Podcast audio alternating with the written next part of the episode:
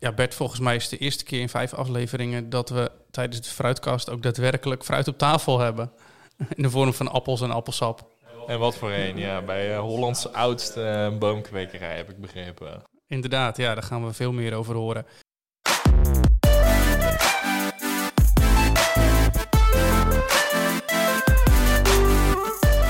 Welkom bij het tweede seizoen van Fruitkast, de podcast over innovatie en digitalisering in de fruitteelt van Delphi en Array Imaging.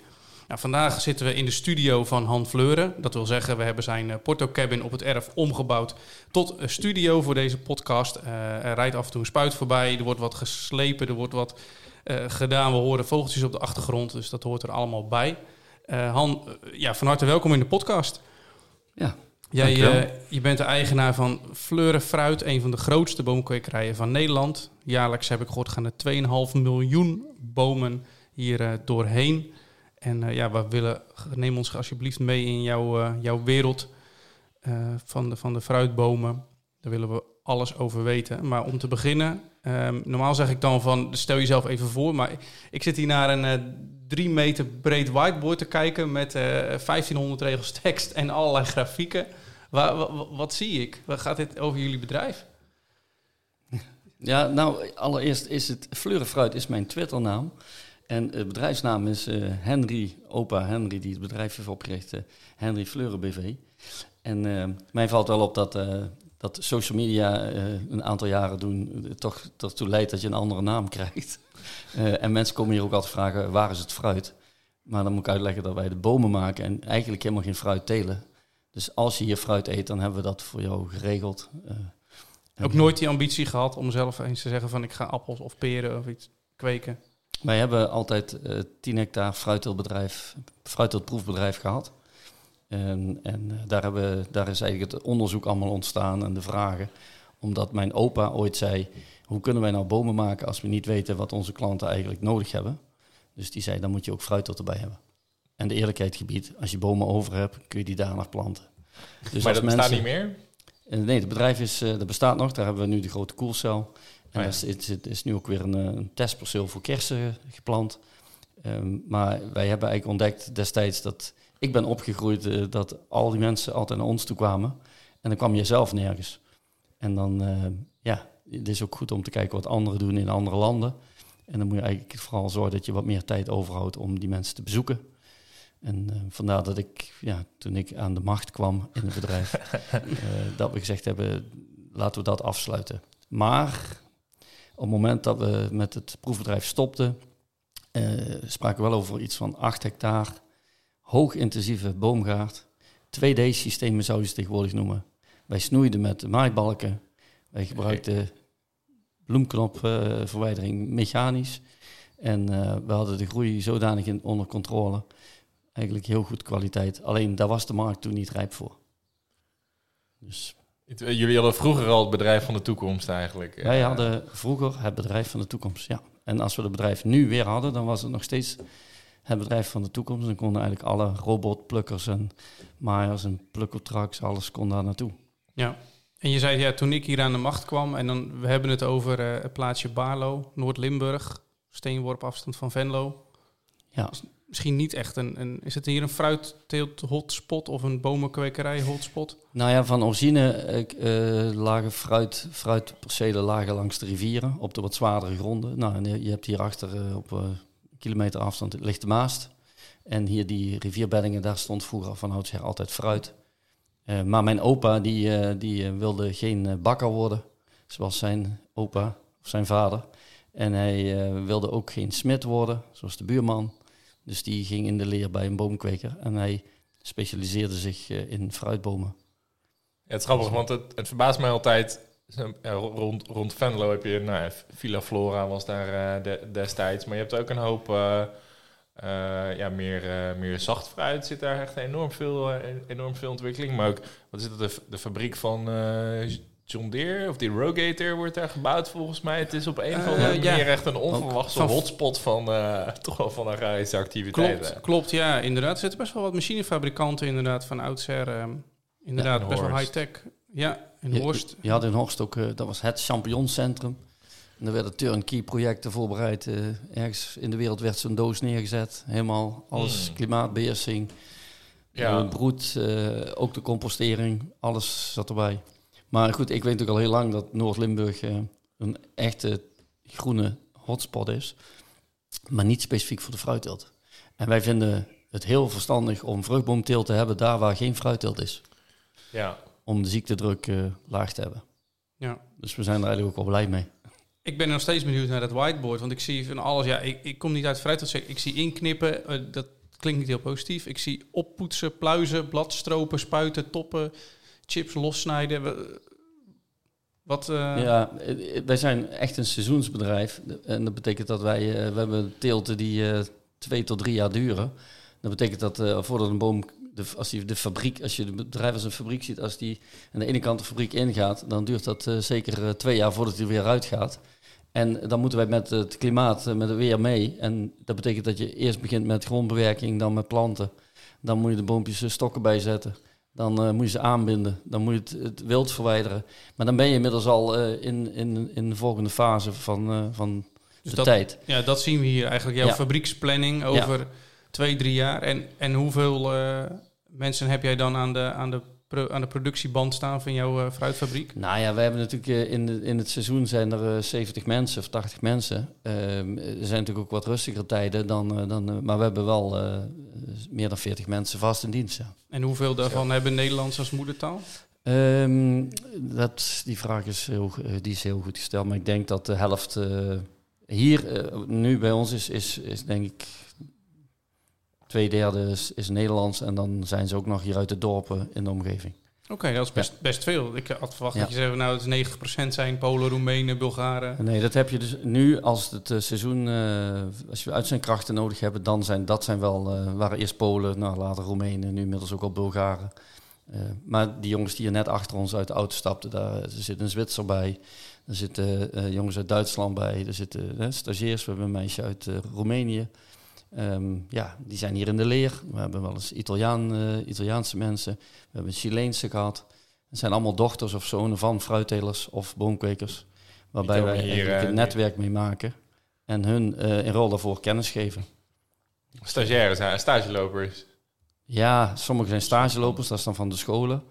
Ja. Eh, maar we hebben bijvoorbeeld ook, eh, we hebben wel wat stagiairs van eh, de middelbare tuinbouwschool of de lagere tuinbouwschool of de HAS. Maar we hebben ook stagiairs uit, van Fontis eh, of van universiteiten. Dus wat diverser. De, Ja. de, de, de tijd dat mensen dachten dat zo'n agrarisch bedrijf zoals wij alleen maar boompjes is, dat is toch een misvatting. Want je moet verstand hebben van techniek, je moet van chemie verstand hebben. Ik heb wel eens gezegd, fruitteler die eh, is eigenlijk altijd al te bescheiden. Want eh, een, een, een fruitteler die, eh, die moet verstand hebben van insecten, de hele insectenleer. Die moet verstand hebben van chemie. Die moet verstand hebben van als een trekker of een machine uitvalt. Die moet weten wat een, wat een bougie is of wat een carburateur is. Hij moet bepaalde periodes van het jaar met heel veel mensen om kunnen gaan. Hoe, hoe, in verschillende talen, dus je moet ook je talen beheersen. En dan daarnaast, als je het dan gelukt is om met de weersomstandigheden je product wat in de buitenlucht staat, hè, industrie zonder dak, als je dat dan eindelijk in de kist hebt en het is niet verhageld en het is niet eh, beschadigd, ja, dan komt nog de hele grote uitdaging. Hoe krijg je het goed afgezet? En bij welke partij meld je je daarvoor? Dus ik, eh, ja, en als je dan eindelijk zo'n beetje begint te snappen wat je verdiend hebt, dan moet je al lang weer nieuwe bomen planten. En eh, ja, het is een leven. Ja. Dus, eh, Nou, ik denk dat veel aspecten van, van dat leven wat je schetst, eh, heel terecht, dat dat eh, aan bod gaat komen in deze podcast. Maar voordat het zover is, Bert, we gaan nog even naar de actualiteiten rubriek. Natuurlijk eh, ja, vastgegeven in deze show.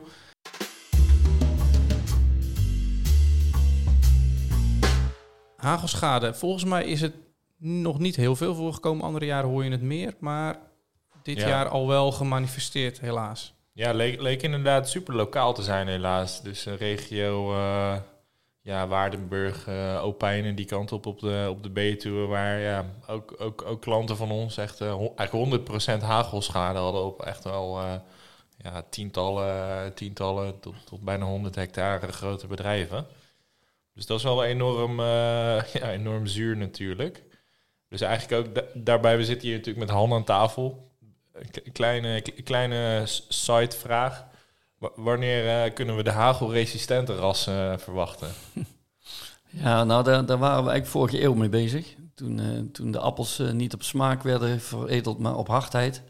Toen waren we langzaam richting de, de meest harde appels. en toen hebben we wel eens gekscherend gezegd, nog even, dan kun je beter stenen in een kist leggen. Tiende Davis als, als bowlingbal. Ja, maar ja goed, een beetje gekkig. Want op zich moet je iets zachter appel hebben, die zal minder gevoelig zijn. Maar ja, het klopt. ik denk dat het als sector heel goed zou zijn als appelsap een heel hot product wordt. In plaats van ben je ziek, dan krijg je wat appelsap. Ik was ooit in een discotheek in Zwitserland met oude nieuw. En daar was het helemaal hot om, om fruitsap met, met bubbeltjes te, te drinken. Appelsap met, in blikjes. En toen dacht ik, ja, dat, dat moet je doen. Dan hoef je, hoef je daar ook minder buikpijn van te hebben. Maar goed, die vierkantsverwaarding die ze bij het varken toepassen, hè, dat eigenlijk alles gebruiken, die, die, dat blijft toch ook wel een belangrijk issue dat je dat bij de fruitteelt uh, voor elkaar krijgt. Maar ik heb nog nooit een fruitteelt gehoord die zegt, uh, ik deel voor de industrie. Uh, of weinig. Hè? Die echt bewust zeggen, ik, ik wil het ook gewoon in het sap hebben of appelmoes. En, dat, ja. dat is toch altijd een beetje van, ja, het is mislukt, dus het gaat, het gaat in de industrie. En dat zou, ja, dat zouden de chipsfabrikanten nooit doen. Hè. Die zeggen nooit, we hebben de aardappelen ja, in, eh, in gort gesneden en er maar chips van gemaakt. Die zeggen, dat is ons premium product, daar kunnen we meer aan verdienen. En dat zou natuurlijk voor de fruit dat ook heel goed zijn. Als je een premium product maakt van iets wat eigenlijk afval is. En de Pringles is volgens mij ook een fantastisch voorbeeld. Hoe we daar met z'n allen intrappen. Ah. Dus, uh, Appel, Appelpartjes zou misschien nog iets, uh, nog iets kunnen zijn in de fruitwereld. Ja, of het zou de basis kunnen zijn voor food printers dat bepaalde rassen geteeld worden waar de pulp, eh, de, de samenstelling van het vruchtvlees zo goed is, dat die uh, niet wit, uh, dat die niet verkleurt en dat je die kunt gebruiken als basis in, in 3D-printers voor food. En dat je dan daar hele leuke repen van maakt of hartjes of wat anders. Ja. Maar goed. Is dat iets, er staan hier wat de appels van, van het Rasse Wetland op tafel volgens mij. Die zijn tot op heden nog niet, nog niet zo geel verkleurd of, of bruin verkleurd. Maar is dat iets waar actief op, op, op ontwikkeld wordt, veredeld wordt? Uh, ik uh, merk wel dat er niet heel actief op veredeld wordt, maar als men er tegenkomt, dan uh, wordt het wel genoteerd. En ja, er zijn zekere sectoren of de horeca die dan zegt, daar zijn we wel in geïnteresseerd. En ik weet dat er in Canada een genetisch gemodificeerde appel is, Arctic, nog wat, die echt helemaal niet verkleurt. En die zou dan ook voor de appelpartjes voor McDonald's in de, in de zakjes heel goed heel geschikt zijn. Ja. Nou ja, terugkomend op de hagelschade, ik denk dat we dat straks ook nog even aan bod laten komen. Maar ik denk inderdaad, hagel, klimaat, vorst, dat is wel een, uh, ja. Nou ja. een thema waar we mogelijk uh, meer mee te maken krijgen in de, in de toekomst. En een, uh, ja, een andere actualiteit um, blijft helaas natuurlijk de oorlog in Oekraïne. Je noemde verschillende landen van mensen die hier werken, die stage komen lopen. Um, wat jullie bedrijf, zijn, zijn jullie of waren jullie actief in, in Rusland of actief in, in Oekraïne? Wat, wat merk je daar nu van? Ja, wij, wij hebben ook uh, klanten uh, in Oekraïne en in uh, Rusland. Um, alleen dat is voor ons, ja, ik denk, maar dan moet ik het zo uit mijn hoofd zeggen, 2, 3 procent, misschien 5 procent max. Ja. Dus daar zit niet zo het effect. Het is wel zo dat de mensen die we daar kennen, dat we daar contact mee hebben gehouden. En als je dan met die mensen spreekt terwijl ze in een kelder zitten en als je mensen die vrienden waren, dus uh, Oekraïners die met Russen heel goed, ook vaktechnisch goed met elkaar konden en nu elkaar niet meer willen spreken, dan, uh, ja, ik heb wel eens met Rotterdammers gesproken die zeggen, ik wil, ik wil alles doen, maar niet naar Duitsland of niet met Duitse mensen omgaan. En dat was dan nog maar vijf of tien jaar geleden, dat begreep ik nooit. Maar ja, nu zijn we getuigen van een, uh, ja, ja, hoe dat zou moeten voelen. Ja. Maar wat dat betekent, ja, ik weet, ik ben er wel achter dat er uh, wel collega boomkwekers uh, zijn in, in met name Italië, die daar de laatste jaren toch heel veel hebben geleverd. Um, ja, die, die, ja, die merken daar zeker de effecten van. Ja. Maar ook de fruitteelt, ja, de appels die van bepaalde landen naar ja. Rusland gingen, Betekent dat dat die nu in Europa inkomen? Dat weten we allemaal niet. En uh, ik heb het net in het voorgesprek al gezegd. Ik krijg wel heel vaak die vraag. En ik denk dat de verkoop van glazen bollen uh, enorm is toegenomen. Want uh, iedereen wil weten wat, ja. dit, wat dit gaat betekenen. En een hele, hele persoonlijke vraag. Je, je noemt net dat voorbeeld inderdaad van Rotterdam, van een Oekraïne die heel anders nu in het leven staat en anders naar zijn Russische kennis kijkt. Als er Als morgen een, een Russische oligarch opbelt en die zegt... we gaan een hele grote appelboomgaard in Rusland ergens planten... Uh, Han, leven die bomen. Zeg jij dan van, nou, dat is goed, kaching? Of zeg je dan van, uh, daar gaan we niet aan beginnen... want uh, we doen geen zaken met Rusland? Um, ja, dat is een hele goede vraag. Als alle mensen in Nederland hun vee, wat ze, het vlees wat ze eten... als ze dat zelf zouden moeten slachten... zouden ze dan nog vlees eten? Ik denk, het antwoord is nee, maar... Ja, ik, ik, voor mij is de vraag van, ja, um, als iemand uit Kazachstan bomen bestelt, is dat ook Rusland? Of is dat... Nee, dat is iets anders. Oké, okay, ik denk dat aardrijkskundeboekjes erbij moeten gehaald worden. uh, het zijn mensen, het zijn bedrijven die wat bestellen. Um, het volk, merk ik, of het nou Russisch is of Oekraïne, de meesten zijn het er gewoon niet mee eens. Maar ze worden bestuurd door um, ja, regeringen en de manier waarop dat gebeurt, ja, je krijgt, als je, ook als je tegen bent, krijg je toch een militair kostuum aan. En je wordt niet meer herkend als mens, maar je wordt uh, allemaal ja. uniform. En dan beginnen ze op elkaar te schieten. En dan heb je wel een reden. Want je hebt. Uh, dus ik vind oorlog is nu live. Ik, voel ik wat een ellende dat is. En wat dat, uh, wat dat veroorzaakt. Nou, betalingen vanuit Rusland komen, mogen niet, kunnen niet. Ehm, ik heb begrepen dat als orders voor 1 april geboekt zijn, dan zou je ze nog mogen uitleveren. Het is eigenlijk veel meer uh, dat uh, als je bomen hebt staan, een collega of wie dan ook, die daarvoor bedoeld waren, die je al twee jaar in dat schema van mij in opkweek hebt, ja, dan zou je wel willen dat die nog uitgeleverd kunnen worden. Ja. En het voelt ook heel vervelend dat uh, de buurman wel gas mag stoken van Gazprom of een auto hier naartoe rijdt op diesel die of olie die wel uit het land komt. En dat je dan dus fruitbomen, mm -hmm. waar in feite je alleen maar uh, appels, peren, kersen aan kunt tellen, dat je die niet zou mogen leveren. Ze staan ook niet op de sanctielijst. Maar ik vind het een hele goede vraag en ik, ik hoop dat we hem niet krijgen. Ik hoop nee. dat die vragen uit uh, andere landen komen.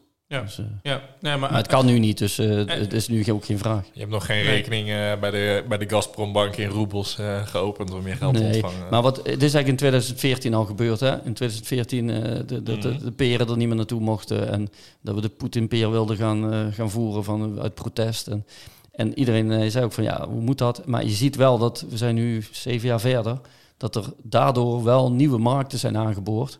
Dus ik, ja, als het mezelf overkomt, vind ik het verschrikkelijk altijd. Zoals nu ook weer en fors gaat ook. Maar ik, ik zie wel dat je juist in een crisis gaat bewegen. En dat je achteraf hoort dat je er beter uit bent gekomen. maar ik heb datzelfde uh, ja, bij mijn kinderen. Als de relatie uit is en je gaat zeggen, nou dat is niet erg, want uh, er komt wel ja. een betere, dan uh, spreek je je kind ook een tijdje niet meer, want dat wordt niet geaccepteerd. Dus nee, ik, als, het mezelf, uh, als het mezelf niet betreft, kan ik er heel makkelijk over oordelen. Het zal vast wel goed komen, maar we zitten er wel middenin. En ja, ja het is verschrikkelijk. En die, die glazen bol, uh, waar gaat het heen? Kostprijsstijgingen. maar je, je weet ook niet meer wat allemaal waar is. hè, zijn er minder mensen omdat we minder mensen hebben? Of is er, wordt schaarste gekweekt, gecreëerd? Ja. Geen idee. Dus, ja, klopt uh, inderdaad. Een hoop, uh, hoop speculatie ook, denk ik. Ja. ja. Een mooie, mooie tip van onze eigen Winston Churchill hier. Uh, never waste a good crisis. Ik, moet, ik, ja, never, ja, nou, dat is wel zo. Hè? Dat, maar ik, ik merk wel bijvoorbeeld... Ik hoorde laatst dat iemand een, een Amazone-spuit wilde bestellen... en die kreeg in eerste instantie door dat het nog wel anderhalf jaar ging duren. Maar ja. nu door de oorlog uh, komen er wat spuiten vrij die niet naar Oekraïne of Rusland kunnen. Dus nu kon het wel eerder geleverd worden. Dus ja, om dan toch maar een lichtpuntje te noemen. Hè, ja. Het, uh, ja, of andersom, uh, ik sprak gisteren een, een loonwerker en die stond op het punt een nieuwe spuit te bestellen. En die werd gebeld door de fabrikant en die zei, ehm, ja, die offerte die ik bij jou heb liggen, die is per 1 januari 15% omhoog gegaan.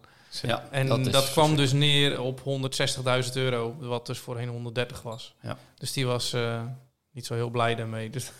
Nou, als je kijkt naar het, het, het, het middelen, ja, de, de burger wil iets anders dan de consument. En dat is in al, dat speelt altijd. Ja. Geef hem een microfoon en je krijgt een prachtig antwoord. En volg hem in de supermarkt. En de vegetariër pakt misschien toch gewoon barbecue worstjes. Want ja, maar er komt familie op bezoek. Ik noem het maar. Ik denk dat iedereen uh, het beste met elkaar voor heeft. En maar dat de onwetendheid ook ertoe leidt dat, uh, ja, dat we ook helemaal niet weten wie er nou eigenlijk gelijk heeft. Nee, nee. Uh, um, het is gewoon triest, de oorlog. Dat, dat is absoluut. iets waar we het over eens zijn. Zeker. We gaan, we gaan door met de doorgeefvraag. is alweer een tijdje geleden de uitzending met Henk Notenboom van uh, Fruit Masters. En die had de volgende vraag voor jou. Hoe, hoe, hoe denken boomkwekers er nu over om in de toekomst, zeg maar, los van de, van de nieuwe resistente rassen, naar een veel weerbaardere boom te kunnen groeien, zeg maar. Waar, waar zeg maar uh, een hogere pekhout vruchten van te plukken valt. Hè? Kijk, wij doen dat natuurlijk bij Fruitmasters van onze eigen visie en van, met name vanuit mijn ervaring natuurlijk over de laatste 15 jaar. Maar ja, ik voel me wel eens een roepen in de woestijn, zeg maar. Dat ik denk van, uh, en dat, boomkwekers produceren natuurlijk voor een markt. En die markt, die, uh, wat ik tegen jou ook zei, uh, als je naar auto's kijkt, die zijn bij 30 jaar terug en nu. Ja, dat, dat, is niet geen vergelijk meer. Hè? Ik bedoel, dat, dat is een enorme ontwikkeling geweest. En, en wij planten nog steeds precies dezelfde bomen als 30 jaar geleden. Nou, dat vind ik absurd. Dus, en dan ben ik wel eens benieuwd hoe die boomkweker daar tegenaan kijkt. Ja, nou, ik, ik denk dat Henk sowieso een goede vraag gesteld heeft. Um, ik ben opgegroeid toen ik in het bedrijf kwam. Ik heb uh, middelbare tuinbouwschool gedaan. Ik heb hier altijd meegewerkt in de kwekerij, vakanties en op zaterdagen. En, um, ja, uiteindelijk, ik denk, wat, wat ga ik doen?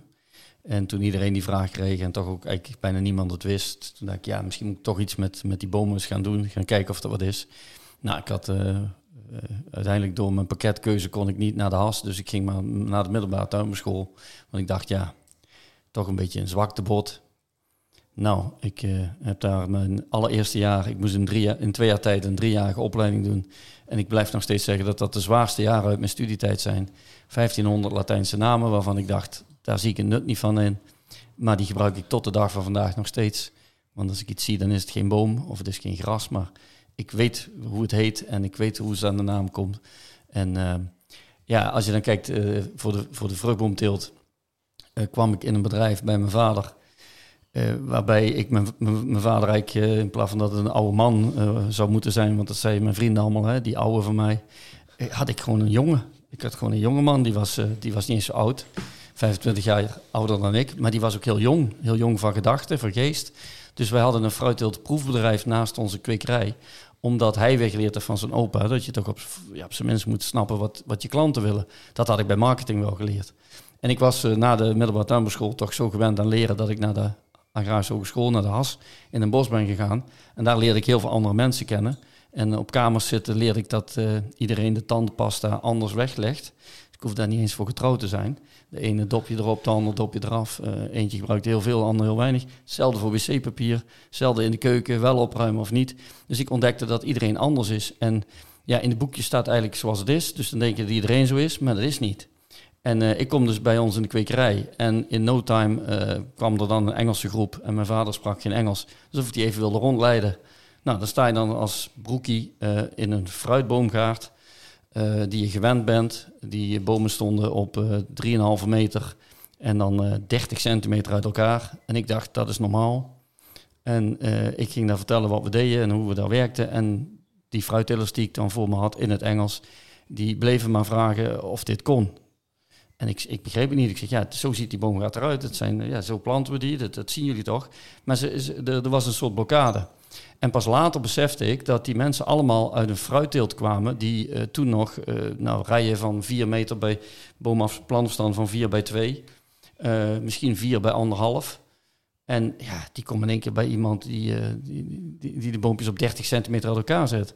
En die verwarring en die vragen, die, ehm, die, die gingen dan tijdens de rondleiding rond. En ik kreeg we vragen van, kan dit wel? En ik zeg, ja, sorry, maar het staat hier toch? Ja, maar hoe lang staat het al? Ja, ik zeg, mij staat het al acht jaar. Ja, maar komen er appels aan? Ik zeg, ja, dat moet ik jullie vragen. Ik, ben, ik kom van school, ik ben boomkweker en ik moet ik iets van fruit weten. Ja, maar de, nou ja, wat spuiten jullie dan? Ik zeg, nou ja, eigenlijk ja, niks, niks anders dan normaal. Ja, maar moeten die bomen klein houden. Ik zeg, ja, maar dat komt door wortelconcurrentie. Die staan dicht bij elkaar. Bomen staan op de grond. Dat heb ik bij bodemkunde nog geleerd. Dan heb je in ieder geval uh, ook genoeg lucht bij de wortels, wat heel belangrijk is. En als het regent, dan gaat de regen eruit dankzij de zwaartekracht. En hou je genoeg uh, ja, bodemleven en zuurstof in de grond. Ja, ja maar, dat, ja, maar dit doet niemand. Ik zeg, ja, dat weet ik niet. Wij doen het zo. En uh, ja, wij kwamen ook eigenlijk nergens anders, overdreven gezegd. Want ja, er kwamen zo vaak mensen kijken. Maar je leerde van al die verbaasde blikken dat ze eigenlijk een fruitteelt zagen die ze niet kenden. En eh, mijn collega Sjaak Walraven, die is uh, drie, vier jaar heeft hij daar gewerkt. En later is hij de verkoop ingegaan. Omdat wij dat systeem ook, hè, wilden het dan ook gaan planten. Maar niemand wist hoe het dan moest. En dan uh, zeiden ze, nou Sjaak, jij hebt die zelf, jij plant die altijd, je snoeit, die kun je even uitleg geven. En van dat uitleg geven is hij een soort verkoper geworden. Maar hij wil tot nu toe nog steeds niet verkoper op zijn visitekaartje hebben. Want hij is eigenlijk meer uh, applicatiespecialist. Hè? Uh, meer van, ja, ik ben geïnteresseerd in, wij maken bomen.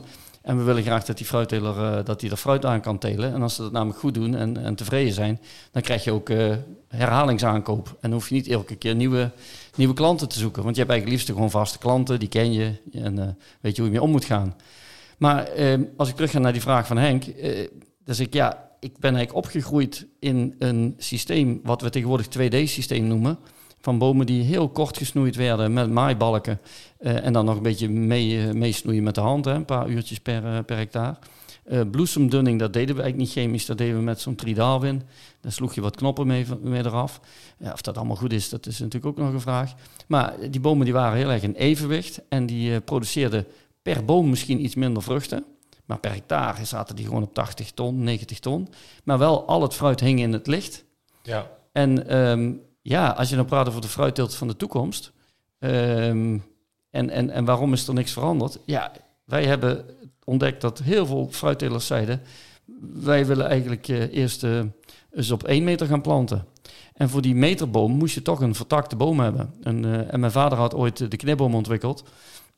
Ook omdat hij zich een beetje verwonderde dat fruittelers een boom planten... en dan gingen ze erin knippen en dan gingen die takken steil omhoog. En dan moesten die uitbuigen. En dan zei hij, waarom doen jullie dat? Ja, dan als, die, als die takken vlakker zijn, dan krijg je meer vruchten. En hij zegt, nou, maar je kunt toch ook bomen maken die al die takken vlak hebben staan. Nou, zo is die knipboom ontwikkeld. Dat is ook een heel verhaal. Maar, uh, en, uh, maar dan zegt die fruitteler, werkt dat? Dus op dat proefbedrijf werden die knipbomen geplant. En dan kwamen de fruittelers en die zeiden, oké. nou, en langzaam gingen mensen het zelf ook proberen. Nou ja, nu is knipboom voor tweejarige boom eigenlijk uh, inderdaad al 30 jaar een begrip. Maar wij hebben daadwerkelijk onze nou ja, onze ambitie van heel kort vertakte bomen, zogenaamde 3K-bomen, kilo's, kleur en kwaliteit.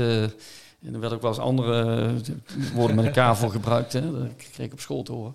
Um, dat is eigenlijk een beetje in de koelkast gezet, omdat uh, mensen ja, van, van, van 4 bij 2 naar, naar 50 centimeter, dat was een te grote stap. Dus daar kwam een stap ja. tussen en dat was de meterboom. En dat was toch een vertakte boom. Maar daar zijn we wel een beetje blijven hangen. Ben ik met Henk wel eens. Dus het is misschien nu ook wel tijd om naar een andere boomvorm te gaan. Die uh, dadelijk ook met robots uh, te oogsten is. Terug naar de 2D-boom. Ja, ik, ik sprak, uh, sprak een keer een Australische professor, was het volgens mij. Die kwam eigenlijk van buiten de fruitteeltsector. En die zat zich enorm te verbazen over eigenlijk hoeveel, ja, hoeveel takken we aan het, aan het telen zijn als, als fruitteler. Die zei, we, we, moeten stoppen met het telen van hout en we moeten eens beginnen met fruittelen. Die fruittelers, een beetje geassocieerd uiteraard, maar die zijn dan volop aan het bemesten en aan, uh, volop aan het snoeien. En dan vervolgens moeten ze weer geremd worden. En um, ja, hoe, dat, is, dat is misschien nog niet optimaal. Als je het over balans hebt, is dat misschien nog niet optimaal. Ook niet voor de weerbaarheid. Ja, weet je, weerbaarheid. Ik, ik, ik kan hier heel makkelijk praten. En ik, ik zei in het vooroverleg al even van... Ik heb bij het liefste meteen een disclaimer dat alles wat ik zeg, dat, uh, dat kan niet kloppen. Uh, of misschien wel, of ik overdrijf het. Maar het is een beetje mijn manier van praten. En ik, ik, ik denk ook dat... als ik kijk hoe, hoe boomgaarden er tegenwoordig bij liggen... ten opzichte van 30 jaar geleden, daar geef ik Henk weer geen gelijk. Want ik, ik zie echt spik en span boomgaarden die heel uniform gemaakt worden. En dan moet ik ook zeggen, hè, Aurea Imaging, bloesemmetingen en dan wortelsnoei op plaatsspecifiek om die uniformiteit maar uh, te vergroten. Ja, dat, dat, dat is waar je mee, dat, is, dat is het enige wat je kunt op dit moment. En als je echt teelt uit de grond zou gaan doen, waarbij je een groeimedium hebt in de grond wat uniform is, ja, dan zul je die bomen ook wat uniformer kunnen laten opgroeien, zoals in de, ja, de glastuinbouw. Um, maar zolang we in de grond telen, zul je flexibel moeten zijn en moet je, ja, moet je aanpassen. Je ziet, uh, je, je, noemde al eventjes, iedereen is anders. We hadden het over weer, weer, uh, sorry, weerbaardere bomen. In de, in, in de bosbouw zie je nu dat, uh, zeker in Duitsland, is 1,4 miljoen hectare fijnsparren. Die zijn eigenlijk aangetast door de letterzetter. Een, een kevertje, een soort bastkever. En daar in de, in de bosbouw zijn ze er nu toch achter gekomen dat monoculturen toch voor het verspreiding van zo'n insect niet, uh, niet optimaal is. In de akkerbouw heb je de strookteelt die, uh, uh, waar, waarmee geëxperimenteerd wordt. Hoe, hoe, hoe, zie jij dat niet zozeer de, de, de boom van de toekomst, maar, maar de boomgaard van de toekomst? Moeten we daar niet gewoon allerlei verschillende soorten door elkaar heen gaan planten dan? Um, ja, nou, ik, ik, ik heb wel eens. Um, ik, ik, ik, ik verbaas me eigenlijk over als we over intensieve landbouw praten, dat de definitie van wat intensief is, dat die, die, hoor ik, die wordt niet gevoerd. Um, voor een kind is een boom van drie meter heel hoog. Ja. Voor iemand die twee meter is, uh, is een boom van drie meter aardig. En die zegt, ik ken fruiters die zijn vrij lang. En die deden in het begin ook alles eh, zelf. En de familie was natuurlijk genetisch hetzelfde. Dus die waren allemaal lang. En die wilden de takken wat hoger hebben in de bomen. En wij leverden van datzelfde ras ook bomen naar Zuid-Europa. En die waren wat kleiner, die mensen. En die vonden die takken te hoog, dus die wilden die takken wat lager hebben. Dus ja, alles is relatief. En als je praat over intensieve teelt, een bos is een samenscholing van bomen. Maar een stad is een samenscholing van mensen. En ik begrijp er niks van dat bij een concert dat mensen in één keer met vier man op een vierkante meter staan. Uh, terwijl als ze in een woning zitten, dan zijn ze helemaal alleen met 80 vierkante meter.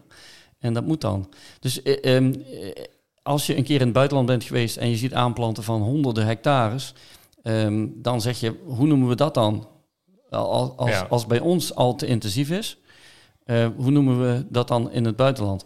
Dus ik denk als ik uh, op Schiphol land met vliegtuig en ik kijk naar beneden en ik zie al die vakjes, dan denk ja. ik dat met mij alle buitenlanders zeggen, nou hier heb je geen monocultuur.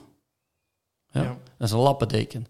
En uh, als je in de Oekraïne land of in Rusland of in China, dan zie je hele andere lappen.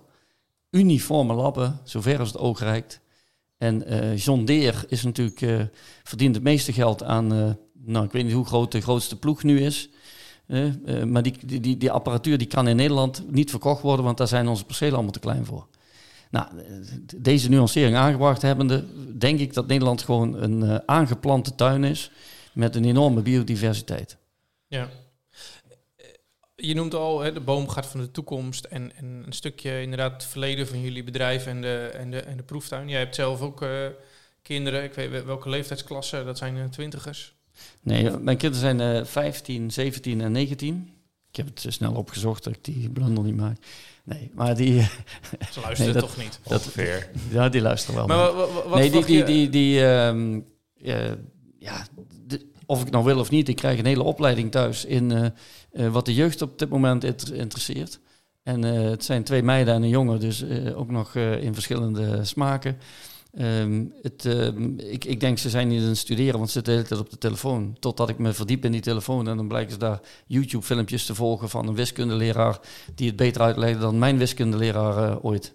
Mocht hij luisteren, excuus. Maar ik denk dat je tegenwoordig twee, drie supergoeie wiskundeleraren kunt hebben. Die een podcast opnemen of een, of een film maken. Of een, en, en dan nog beter les kunnen geven dan dat wij ooit hebben gehad. Dus. Maar wat, wat, wat verwacht je voor. kijk, zij hebben nog een heel leven, vier decennia, misschien wel meer voor, voor zich. ervan uitgaande. De, dat, dat er misschien één of misschien wel meerdere dan, dan hier in het bedrijf verder, verder zouden gaan als ze die interesse hebben. Wat gaan zij uh, meemaken? Is dat inderdaad een, wat jij zegt, een andere plantafstand, een andere boomvorm, een autonoom werken? Wat, met de kennis die je nu vandaag hebt? Bedoel, je zegt ja, ik, in, in, in de vraag van, uh, van Henk stond uh, dat ik duurzaamheid niet, dat ik daar geen resistente rassen bij moest meenemen. Maar ik, als hij dat niet erbij had gezegd, had ik, had ik gezegd: voorwaarden zijn resistente rassen. Daar begint het mee. En dan de hele tijd niks. En dan uh, ga je kijken of het, uh, ja, of het uh, lekker is. En zeg je dat dan? Andere puur... voorwaarde is, als je nu ziet hoe de, bij aardrijkskunde de, de sociale demografie eruit ziet in een land zoals Nederland, dan, ja, dan hebben wij gewoon heel veel mensen die de, net na de oorlog zijn geboren. En heel weinig mensen die de afgelopen jaren zijn geboren. Dus wij zullen met veel minder mensen ehm, arbeid moeten ja. doen. Nou, dan zeg je, ja, dan vertrek maar van Nederland naar een land waar ze veel mensen hebben. Maar dan heb je een probleem met onze gewassen. Die kunnen in bepaalde klimaten wel groeien. en in andere klimaten niet. En vaak zijn dat de landen waar wij fruit kunnen telen, niet de landen waar ze, eh, nou zullen we zeggen, net als in, volgens mij Senegal, 59% van de bevolking, nee in Tjaad, is 59% van de bevolking onder de 18. Ja, heel je herkenbaar voorstellen. ja, Ja. veel landen. Als we dat hier hadden, dan, eh, dan hadden, we, hadden we geen robotisering. Want dan hadden we genoeg handjes om appels te plukken. ja. Je zegt, je, je- ik word daardoor getriggerd. Je zegt, eh, hè, dat zeg ik resistentie en dan komt er heel lang niks. Zeg je dat dan puur met in het achterhoofd een afnemend middelenpakket, minder mogelijkheden om chemisch in te grijpen? Of zeg je, is dat meer vanuit klimaat, vanuit eh grilligheden van het weer wat verandert? Nou, ik, ik denk dat vroeger kon men eh, met minder mensen in de wereld, eh, met minder mensen in Nederland, laten we het daarover hebben, eh, had je voor iedereen een groter stukje eh, grond. Eh, mensen hadden geen afleiding van allerlei sociale media of eh, podcasts of wat dan ook. ja. Dus eh, je leefde veel meer met de natuur. Ik denk dat eh, iedereen wel boerenfamilies had. Eh, als je nu ook mensen op tv hoort, waar kom je vandaan? Dan eh opa had een gemengd bedrijf eh, en nu ben ik directeur van eh, nou ja, een adviesbureau in de Ja, wat, Eh, wat heeft dat met van- resistenties te maken? nou, dat, dat in die tijd, toen was er tijd om het allemaal te doen. En nu zit het land volk, het land zit vol en ze moeten wel allemaal eten. Dus ze hebben de industriële revolutie is opgevolgd door de chemische revolutie. En wij konden dus eh, onkruidbestrijding doen met chemie. We konden ziektes eh, tegenhouden met chemie. Dus je kon gewoon kijken naar of, of het maar, als het maar lekker was. Als je maar een mooie appel had en lekker, dan was het goed. En de rest lossen we wel op. Nou, dat is voorbij. Want mensen zeggen, ja, ik, ik wil ook niet eh, in, de, in de chemie lopen. Dus dan zul je met, eh, ja, mee moeten bewegen. En ons bedrijf bestaat inmiddels 100 jaar. En ik denk dat dat gebeurd is door de generaties voor me. Door zich iedere keer aan te passen aan wat er ja, op dit moment gevraagd wordt. En als je vraagt, wat wordt de komende 20 jaar? Ja, ik heb natuurlijk eh, vanaf 1991 meegemaakt met het meerjarenplan gewasbescherming. Eh, in die procenten, die, die schieten me niet binnen, maar het moest 60% gereduceerd. We hebben allemaal geprotesteerd, dat kon niet, maar het is wel gebeurd. En vervolgens waren we zover, moest nog een keer 30%. En dat kon ook. En nog een keer. En als ik de overheid zou zijn, en die moeten dit maar niet horen, dan lijkt je de overheid wel gelijk te hebben gekregen, want we zijn er nog. En we hebben dus inderdaad eh, toch alles weten te reduceren. Alleen, ehm, ja, als het in een ander land wel mag en hier niet, dan is dat niet eerlijk, zeggen we. Je zal maar voetbalwedstrijden hebben en je moet tegen een buitenland spelen. En die mogen wel hands maken. Nou, dat zouden we, dat zouden we niet pikken. Maar in de sector pikken we dat nog steeds wel. Want we mogen hier geen eh, eieren in eh, legbatterijen stoppen.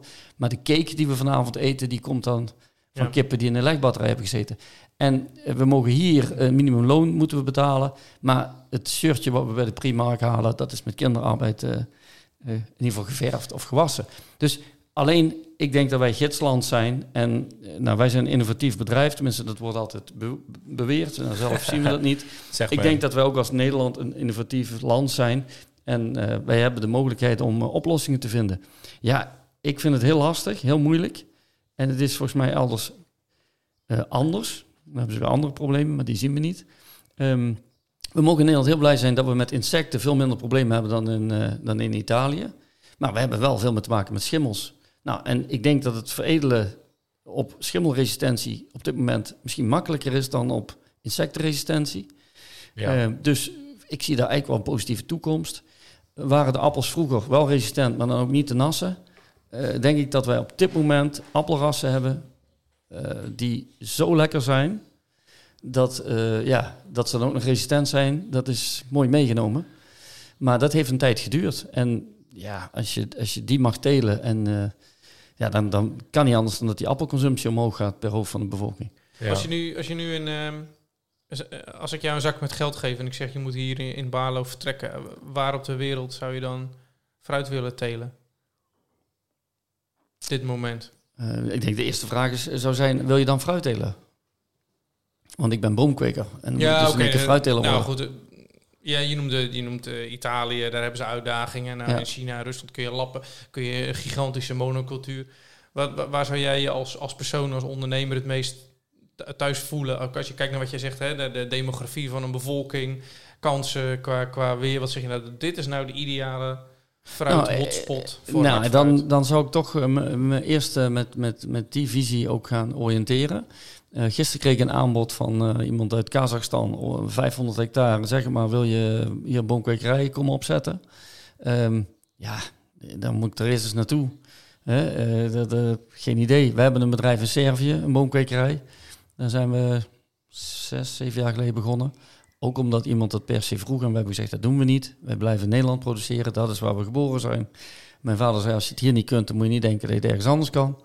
Ehm, maar ja, toen ik hem zei van, we gaan ja, kunnen we misschien toch, moet, misschien moeten we toch eens proberen. Anders blijf ik altijd zeggen, dan ben ik net zoals al die andere mensen die niet willen veranderen. Nou, ik ben dat gaan doen en ik heb ontdekt dat ook daar mensen wonen, ook daar grond is, dat ze daar diezelfde zon gebruiken. Die hebben diezelfde regenbuien, de onkruiden zijn hetzelfde. Je hebt alleen uh, in het puzzelstukje een, een uh, ja, andere factoren. Dus ze willen, ja, goed, zoek de verschillen. En ik denk dat je meerdere levens nodig hebt om erachter te komen wat misschien voor jou dan achteraf het meest ideale was geweest. Dus ja, als je een zak met geld krijgt. Kijk, die strokenteelt, wat uh, Bert net zei, en uh, gemengde bossen. Ja, ik denk als we met precisielandbouw verder gaan, zou het toch fantastisch zijn als je plukrobots hebt die gewoon zelf de boom uitkiezen die ze oogsten. Dan kun je gewoon alle rassen door elkaar zetten. Als dat voor uh, ziektedruk uh, beter zou zijn, dan denk ik dat niemand tegen is. En ja. als die zelf bepalen of die appels dan rijp zijn, ja, hartstikke mooi. Maar je, je, en je noemt bijvoorbeeld van die, die Engelse telers die kwamen hier op de koffie of op de thee, denk ik, het zijn waren Engelse. Um, en die, die, die waren zo verbijsterd over de manier waarop die bomen daar stonden. Als jij nu een, met een boomgaard aankomt waar dat een, met alle rassen door elkaar heen en een robot die plukt dat, kan een, een teler, net als die Engelsman toen, zich dan wel uh, uh, identificeren met die, met die boomgaard? Want dat zie je met strokenteelt ook gebeuren. Ik heb een, ik zie hier op het erf, ik weet niet hoe breed die spuit hier is, maar, maar ook geen 24 meter. En ik heb een mm. grote trekker. En dan zeg je in één keer, nee, we moeten met kleine robotjes en strookjes van 3 ja. meter of... Um, dan kom je eigenlijk weer op hetzelfde van dan ben je, loop je zo ver vooruit.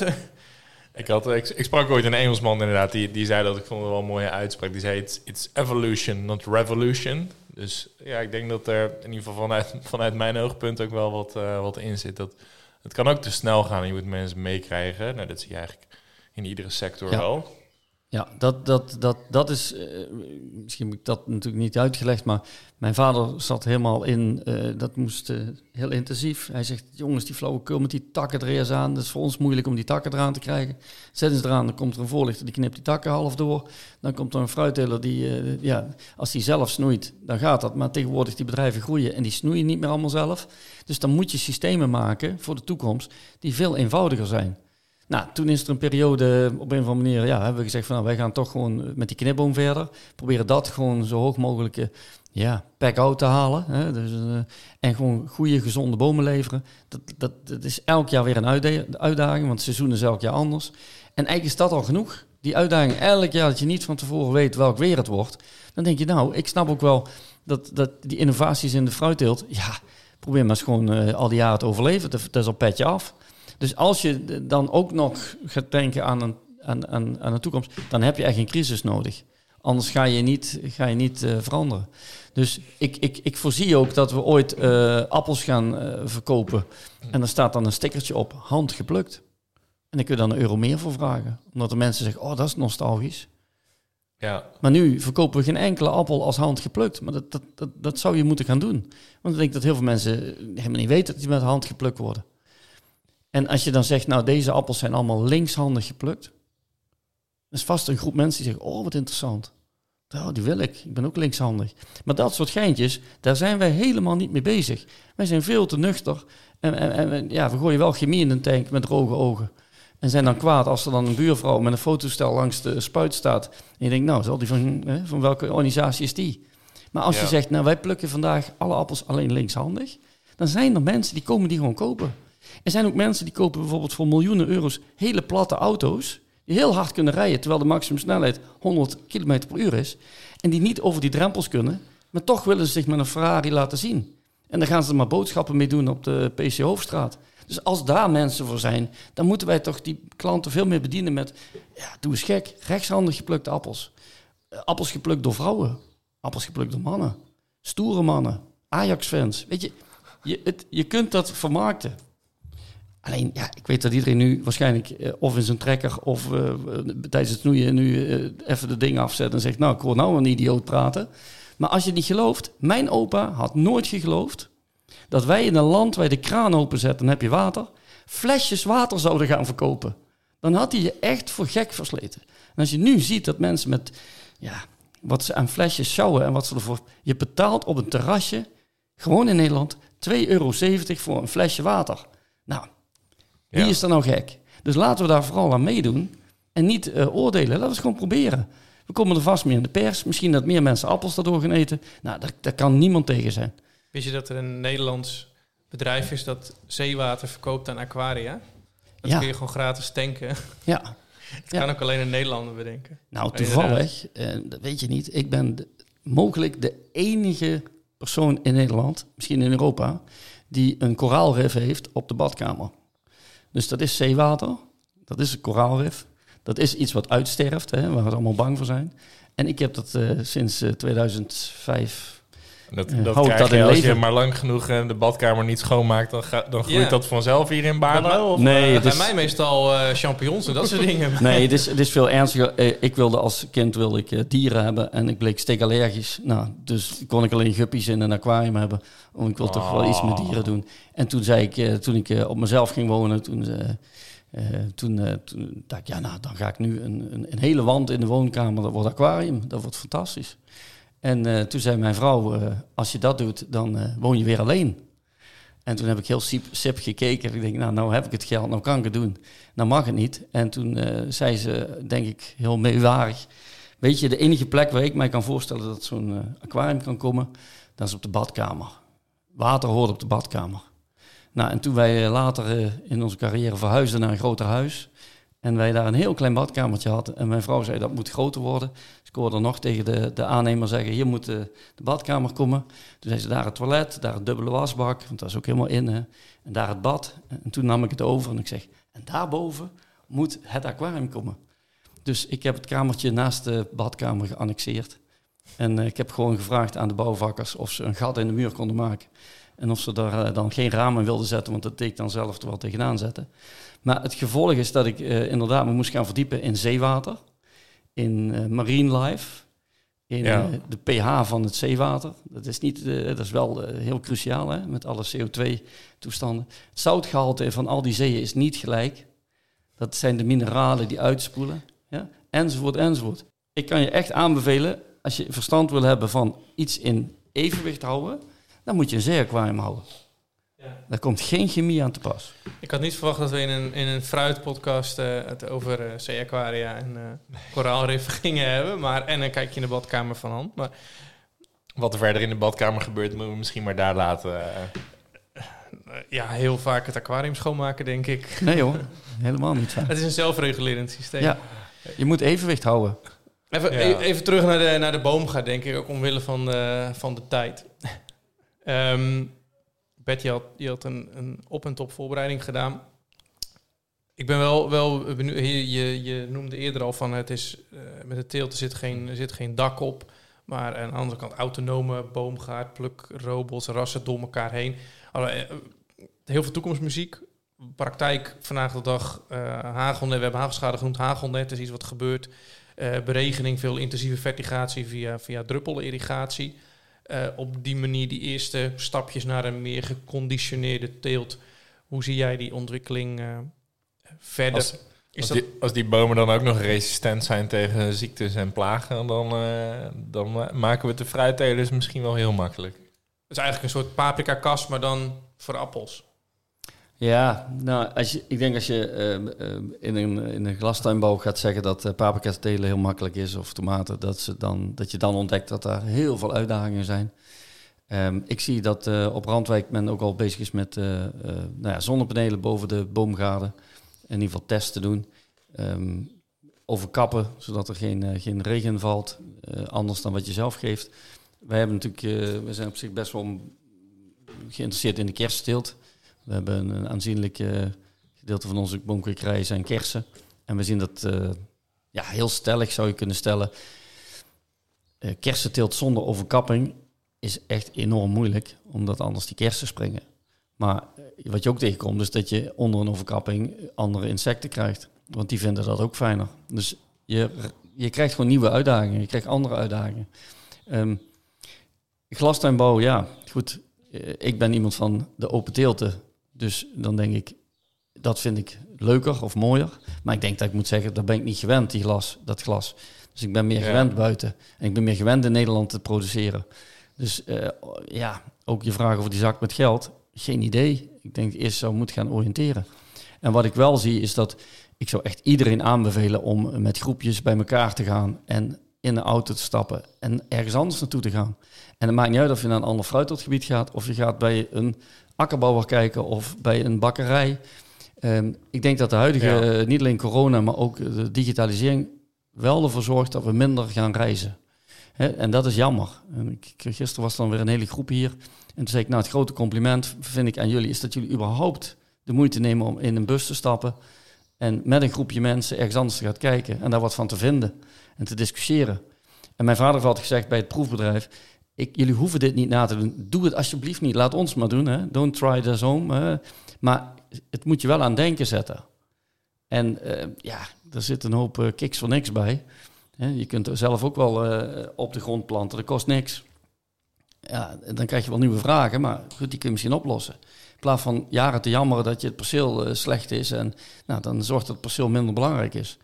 Ehm, dus ik, ik, ja, ik denk dat je gewoon altijd moet proberen aan te passen. En je moet vooral kijken, wat vind ik leuk? Want eh, ja, opvolging in bedrijven. Als je intelligente kinderen hebt en, die, en, en, en die, die, die kunnen een beetje praten en denken. En jij hebt elke middagpauze of avondeten benut om te zeggen hoe slecht het is in je sector. Nou, gefeliciteerd. Dan ga ik ervan uit dat als ze slim zijn, gaan ze wat anders doen. Maar als ik nu mag kiezen en ehm, ik kijk naar het hele groente- en fruitschap, dan denk ik, hoe heeft, hoe heeft de fruitteelt het voor elkaar gekregen dat zij op rasnaam schapruimte hebben gekregen? Dat je een Elster, een Jonegold, een Pink Lady, een Gala, een Kansi hebt liggen.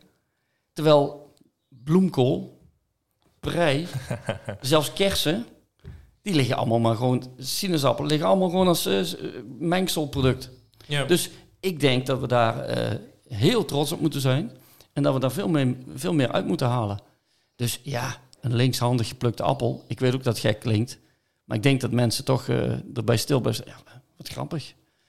En dit is misschien een metafoor. Je kunt misschien zeggen... Ik, ik ken een fruitteler die heeft, eh, die heeft appels geplukt bij volle maan, s'nachts, met lampjes.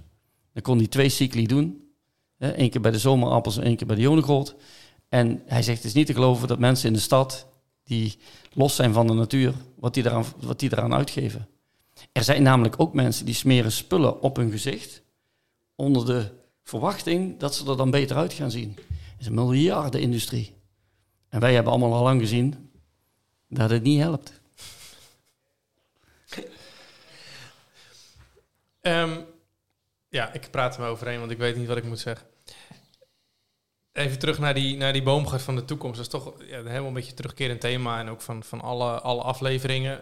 Jullie maken hele mooie eh, eh, fruitbomen, uitgangsmateriaal... waar een fruitteler zijn voordeel mee kan doen.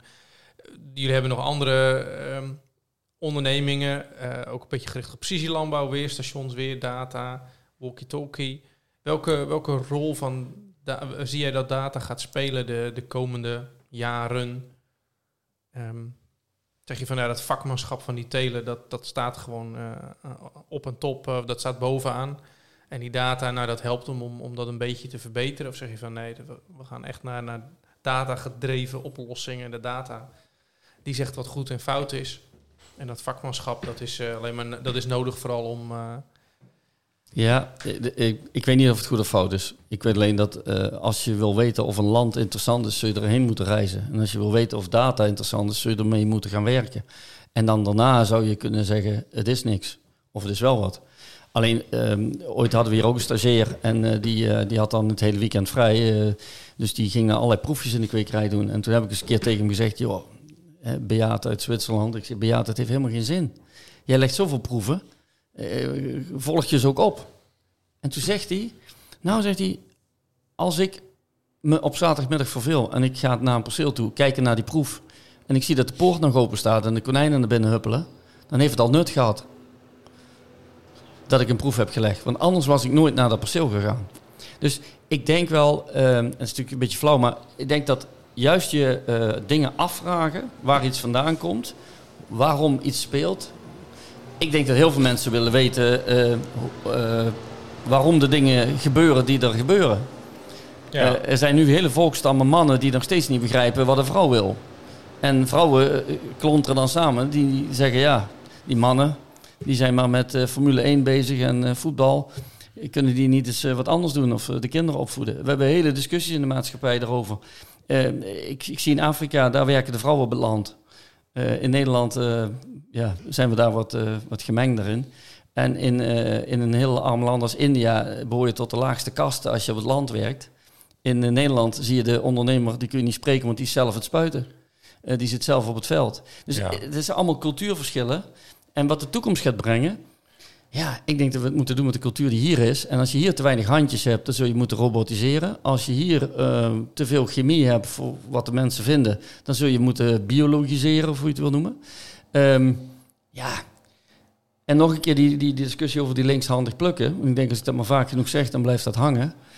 Ehm, Volgende week op de markt. ja, ehm, misschien klinkt die anders als je, ehm, als je als stickertjes wil gebruiken op die appels. Als je erop zet dat die appel vegan is. Want er zijn heel veel mensen die zoeken op het merk vegan en gaan het dan kopen. Maar wij zijn zo nuchter dat we daar geen gebruik van maken. En we lachen het ook weg.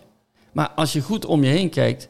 Ik denk dat de mensen die nu podcast luisteren, dat het mensen zijn die eh, misschien wel zat zijn om eh, het journaal te bekijken. En dan eh, voor de zoveelste keer, hoorde ik je al zeggen, Niels, weer iets over COVID horen of over de oorlog. Dus ja, er is echt wel markt voor iets anders. Het is niet wat we op tv zien of wat we in de krant lezen dat dat de wereld is. En eh, je moet een paar gekken hebben die dat durven te proberen. En voor je het weet, drinkt iedereen water uit een flesje. Ja. Waar, waar, waar ook nog eh, GMO-vrij op staat, eh, heb, heb Ja. ik wel eens gezien. GMO-vrij Ja. kraanwater uit een Er zijn heel veel verpakkingen waar iets opgeschreven staat wat niet in de verpakking zit. Dus als je normaal Ja. gaat verhuizen, dan zet je op de doos voor de keuken zet je keuken. Maar eigenlijk zit de industrie in elkaar niet voor de kamer. Hè, Er zit geen suiker in. Geen toegevoegde suikers. Er zit, Ja. Het is vegan. Er zit geen vlees in. Dus wij, wij zouden daar met die marketingkant wat meer moeten, moeten kunnen doen. Ja, dat is een hele interessante, want daar zit ik net over na te denken. Ehm, je noemt heel terecht die marketingkant, iets wat in de landbouw vaak naar voren komt in welke sector, welk deel van de sector je ook zit. Komt dat omdat jij spreekt zelf misschien alle klanten of bijna alle klanten die, die, die ken je of een, gede- of een gedeelte daarvan. Jullie moeten zelf de marketing doen, terwijl een, nou, we hebben vorige keer met fruit, fruitmasters, fruitmasters gesproken. Eh, die komen ze ophalen of je brengt ze en zij doen de, de vermarkting en zij gaan met Albert Heijn of met Jumbo aan tafel zitten. Moet die, moet die fruitteler zelf meer aan marketing gaan doen? Of daarover Eh, nadenken? Het, het, het is wel een terecht verschil wat je ziet. Dat eh, een vruchtboomkweker, eh, die vindt heel normaal dat hij een paar keer per jaar naar een beurs moet. Of naar open dagen. eh, dat hij verhalen moet uit, dat hij zijn product moet verkopen. Ehm, wij hebben natuurlijk ook vaak te maken met de, de, ja, hoe zeggen, de, de mensen die betalen. Hè? Dus de... Ik zal vanwege tractorgeluid maar even de raam dicht doen. Maar we zijn een graag Past er wel mooi bij. Ehm, dat, dat, ja, eh, eh, wij brengen ons product niet naar de veiling en kunnen dus niet anderen de schuld geven dat ons product niet goed verkocht wordt. Wij eh, voelen één op één als de beslissingsunit, hè, de fruitteler of de fruitteelster. Ehm, als die zeggen nee, wij, wij geloven niet in jullie product of daar willen we dat niet voor betalen, dan krijgen we het gewoon echt recht voor de raap terug. En dan kun je wel vinden dat je een geweldig product hebt, maar je bent net zo goed als, als je product. Hè? Dus ehm, dat betekent wel dat als je merkt dat bepaalde producten niet lopen, dat je dan wel twee keer nadenkt of je die nog verder gaat voeren. En wij zeggen dan ook wel eens van, ja, wij moeten dus aan de fruitteler vragen wat hij wil planten. Maar het gekste is dat die fruitteler altijd aan ons vraagt wat hij moet planten. En dan zeggen we Ja. altijd, ja, waarom vraag je dan ons? Ja, jullie komen op veel plaatsen. Dus jullie zien waarschijnlijk beter wat er overal gebeurt. Dat, dat is ook. En als ik een discussie hoor over wat zullen we eens gaan planten dit jaar, dan zeg ik dat is al lang bepaald. Nou, die vruchtboomkwekers hebben die bomen al staan. Als je echt mee wil sturen, wat we heel graag willen, eh, kom dan met plannen voor, voor drie, vier, vijf jaar vooruit. En ik snap ook dat het voor hun net zo moeilijk is als voor ons. Maar dan zou je kunnen gaan Ja. samenwerken. Ehm, ik vind ook dat je de veiling en de handel niet de schuld kunt geven. Want eh, ja, die, die, die verzorgen gewoon een dienst. Die zorgen dat het mooi bij elkaar komt. Maar we hebben natuurlijk maar een paar supermarkten. En eh, ik weet niet eh, wie er eh, pas nog in de supermarkt is geweest. En dat als je dus iets uit het, rek, uit het schap pakte, dat iemand zei, dat moet je niet kopen. ik, ik ken jou, je moet iets anders kopen. Dat, dat hoor je nooit in de supermarkt. Dus eigenlijk kan iedereen maar gewoon iets kopen van die 20, 30.000 artikelen die er liggen. En er is helemaal geen. er is niemand die geadviseerd wordt. Dus eh, als je dan eh, erachter komt door, bij een diëtist dat je iedere keer het verkeerde product hebt gekocht in de supermarkt, omdat je dacht dat is goedkoper, maar dat zit in verband met hoe je lijf eruit gaat zien of hoeveel ziektes je krijgt. Ja, wij zeggen dan allemaal, koop dan meer fruit of groente. Maar er staat zoveel verleiding eh, omheen en mensen krijgen daar zo weinig informatie over. Ja, elke verpakking schreeuwt, koop mij, koop mij. Dus ik, ik denk echt wel dat die marketing, ja, ik kan zeggen, als teler vind je daar niks aan. Maar het is, dan moeten we wel mensen vinden die daarmee bezig zijn. En veilingmensen of handel, heeft, die staan s ochtends om vier uur al eh, vrachtwagens eh, te show. Ik bedoel, die werken eh, hard genoeg. We zullen het echt sexy moeten maken voor de consument. Dat die bij de supermarkt gaat zeggen, ik wil linkshandig geplukte vegan appels uit, eh uit de polder. We, we hebben het een paar keer over eh, verwondering gehad. Over eh, van, verwondering over jouw aquarium. Aan mijn kant in ieder geval tot eh, verwondering waarom, waar- waarom fruittelers bij jou komen vragen wat voor fruit ze moeten produceren. En dat, ik denk dat dat enerzijds komt omdat, dat we in het voorgesprekje even over een, een fruitteler, die moet al zo, zoveel managen. Van, personeel en, en financiën tot, tot, certificering en, eh, en vastgoed bij wijze van spreken. Anderzijds is dat, is, is dat een houdbare situatie en, en hoe, hoe kunnen we ja, ver- verwondering, ik denk dat het een, op zich een, mooi gesprek is en dat zullen we ook zeker niet van, eh, kan je ook zeker niet van iedere fruitteler verwachten als dat al nodig is. Maar hoe, hoe zouden we die verwondering nog, nog aan kunnen jagen? Is het nodig? Ja, naar verwondering. ehm, ik, het, het, het zit natuurlijk niet elk mens is hetzelfde. Maar ehm, eh, ik ben heel blij bijvoorbeeld met de, de, de Fruittech Campus. Die eh, nu eh, rondom uh, Geldermalsen opgezet wordt. Met eh Juverta en wat partijen en Fruitmasters. Ehm, je kunt zeggen, nou ja, dat beconcurreert misschien wel Randwijk. Nou, ik denk gewoon, eh, als je maar één kroeg hebt, dan heb je maar één keuze. Heb je twee kroegen, dan heb je een uitgaanscentrum. Dan gaan er gewoon, is gewoon bewezen, komen er meer mensen. Eh, daar worden jonge mensen gevangen eh, die, die, die eigenlijk iets anders wilden doen. Maar nou, ik ga toch maar naar die campus. Nou, dan krijgen we kennis. Da- Dan kunnen we die mensen volstoppen met uitleggen hoe iets zit. En als die zich gaan verwonderen, en we gaan het ook nog zo vertellen dat ze het verder kunnen vertellen, verwonderen ze misschien nog wat vrienden. En dan krijgen we, hebben we minder personeelstekort. En dan hebben we eigenlijk de basis gelegd dat, eh, dat er over, eh, nou ja, als mijn kinderen zo oud zijn als ik, eh, in 2060 ergens, dat we dan ook nog fruitteelt hebben. En niet dat we, nou, het is wat makkelijker om ze uit het land te vegen, want dan hebben we geen, geen overlast meer van spuitmiddelen. Want, ja, en dan vervolgens moet je appels eten uit een ander land. Dus ik, ik, ik zag op de Fruittech Campus website zag ik een filmpje van Enzo Knol. Ook een fenomeen die buiten de normale stroom is, is bekend is geworden onder jongeren met name. Eh, die laat dus een proef zien waarbij hij ijsklontjes uit de diepvries haalt en eh, waterflesjes, diezelfde waterflesjes die mijn opa belachelijk vond, eh, ook tot tegen het vriespunt aan koelt. En dan vervolgens die ijsklontjes op tafel legt en dan ijskoud water eroverheen giet. En terwijl hij dat erop giet, bevriest het water terwijl hij het gieten is. Dus hij maakt als het ware een ijstoren. Dat ziet er zo spectaculair uit.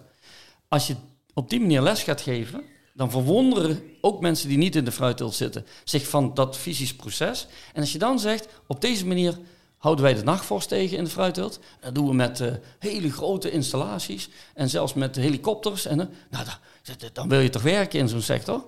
Dan maak je het toch fantastisch? Dus ik denk dat we een Freek Vonk moeten vinden...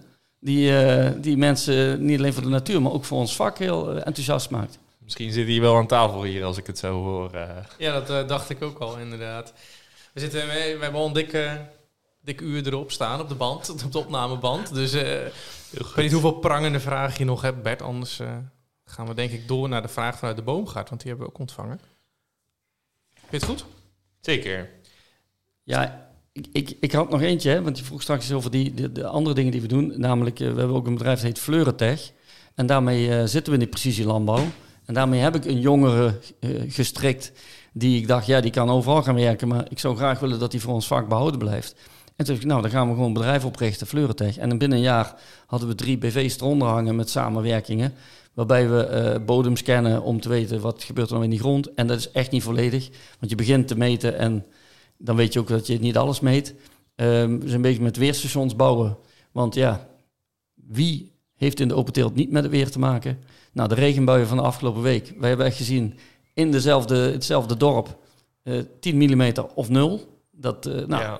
En rondrijden met uh, de regenmeters leeggooien, dat doet niemand meer. Hè? Los van, of dat, dat is lastig. Wij kunnen het nu real-time zien. En als je al die data verzamelt en je legt die op elkaar en je laat nog een keer een drone vliegen en je doet nog een bloesemmeting. En we zijn er nog lang niet, maar je moet die data nu beginnen te verzamelen. Want er komt over tien jaar een generatie die dan terug wil kijken naar die data en die dan dingen kan verklaren. En als dat ervoor zorgt dat we als fruitteelt en boomkwekerij in dit land mogen blijven produceren, dan denk ik dat dat een heel belangrijke stap is. Nou, ehm, de rode draad van die techbedrijven is, maak het meetbaar. En ehm, ja, ik heb het even opgezocht, maar ik weet niet of jullie weten wat er in 1654 aan de hand was. Maar in 1654, en ik lees het even voor, was Ferdinando II uh, de Medici. Uh, die gaf opdracht om een buisje glas te blazen, een glaasbuisje, en die te vullen met alcohol, daar streepjes aan te zetten. En die vond daarmee de eerste thermometer uit. Het heeft daarna, let op, als je dan een nieuwe ontwikkeling doet, tot uh, 1714 geduurd voordat Fahrenheit het geheel nog eens ging verbeteren door er ook uh, zilverkwik bij te voegen. En het heeft daarna nog eens tot 1740 geduurd voordat Celsius het nog een keer ging verbeteren.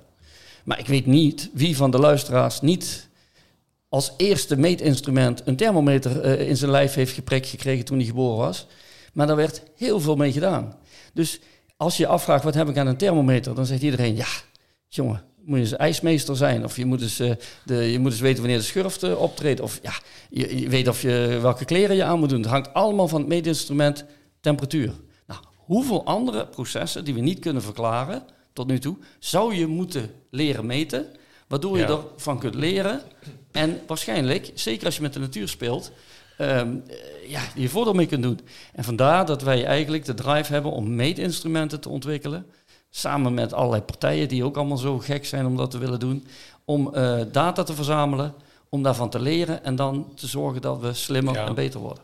Ja, ik denk dat dat inderdaad ook, uh, als, uh, sluit ik me uiteraard volledig bij aan. Ik denk dat um, bijvoorbeeld precisielandbouw of, of meetinstrumenten wordt, wordt eigenlijk altijd heel erg gebruikt van nou, ik heb een probleem en ik wil het oplossen. Ja. Ik heb variatie in mijn bodem en ik wil de organische stof gelijk trekken. Alleen, uh, en, en dat is uiteraard ook goed. Ik denk als er geen korte termijn. Hè, we zitten hier aan iemand met, aan, met, met iemand aan tafel die zo gek is om, om daar uh, uh, eigenlijk aan te beginnen zonder dat hij er een direct belang bij heeft. Ik denk dat de meeste mensen dat het helpt als er ook een, een korte termijn winst te behalen valt. maar ik denk op, op de lange termijn, dan kom je misschien toch ook weer een beetje terug op de verwondering, dat we nog zoveel processen eigenlijk niet snappen. En dat misschien wel de grootste winst van, van ja, precisie, fruitteelt en, en meetinstrumenten is gewoon veel beter begrip over plantenteelt en, en, landbouwkunde. Er, er, zijn etiketten, het bijvoorbeeld tegen de, destijds tegen de roesmaait spint, uh, die moest je spuiten boven de 20 graden. Nou, en ik verwonderde mij dan, waar moet het 20 graden zijn? Op het blad, in de lucht of op 1,50 meter, wat elk weerstation meet. En door te gaan temperatuur gaan meten en met sensoren te gaan meten hoeveel temperatuur hebben we eigenlijk. En als je ooit op wintersport bent geweest en het is onder nul, maar de zon schijnt, dan zit je toch in het zonnetje en je, je zit eigenlijk in je t-shirt. Want die zonnestraling is gewoon warm genoeg. Maar dan heb je zonnebrand op je fruit. Wanneer is dat nou ontstaan? Dan zou je toch willen zien wat, wat, wat ja, een weerstation die dan meet hoe warm was het, wat was de sapstroom, kon die boom zich nog koelen of niet en waar lag dat aan? En die data zul je allemaal kunnen gebruiken. Alleen, ik denk dat de fruitteler die en personeel moet aansturen, en financiën moet redden, en zijn afzet, en zijn teelt, die kan dat niet allemaal gaan onderzoeken. Daar hebben we voorlichters voor nodig, die straks die data en die, en die kennis gaan gebruiken om die fruitteler te helpen. Maar goed, iemand is begonnen met een, blaas, eh, een glas, glasbuis en daar alcohol in te stoppen. En anderen hebben daar, eh, ja, staan op de schouders. En ik ben de derde generatie in ons bedrijf. Ik heb alles te danken aan de mensen voor me. Eh, en ook dat verwonderen. Ja, en ik zou zeggen, maak er gebruik van en, en, en prikkel ons en, en, en werk Ja. samen. En maak geen ruzie, want eh, die hele oorlog in Oekraïne, daar wordt, ja, daar wordt alleen de wapenindustrie beter van. En ik vraag me af of die biologisch afbreekbare wapens en kogels leveren, of dat we die straks nog heel lang in het milieu hebben. Eh, een, eh, mooi, of een nou, mooie, maar in ieder geval een bijzondere afsluiter, denk ik. We gaan snel door met eh, vragen vanuit de boomgaard. Bert, jij had er een ontvangen? Ik heb er eentje binnengekregen inderdaad. Ik denk koren op de spreekwoordelijke molen van, van Han Fleuren hier. Er was, de- wij hoorden vanuit de boomgaard dat fruittelers nou ja, normaal gesproken niet per se heel graag spuiten. Maar dat het ook wel een, een moment van, nou ja, bezinning is misschien te veel. Maar een, een, een moment van ontspanning kan zijn. Podcast luisteren. We kregen. eh, dus de vraag vanuit de boomgaard was: Han, Han Fleuren, jij als, als, als, als de Willy Wortel van de, van de fruitteelt. Zie jij niet een gevaar in autonoom rijdende tractoren? Dat we een hoop overspannen fruittelers krijgen die niet meer aan hun eh, ontspanning terugkomen of toekomen op een, eh, op een spuit? Ik, eh, ik weet niet of je overspannen, of je overspannenheid kunt bestrijden met, eh, met rijden. Maar ik kan me wel voorstellen dat je eh, in de boomgaard vlucht en even lekker gewoon met een muziekje op, koptelefoon, een podcast gaat luisteren en eh rijtje voor rijtje voorbij rijdt. Ik heb altijd gedacht, nou dan controleert de fruitteler zijn, zijn aanplant.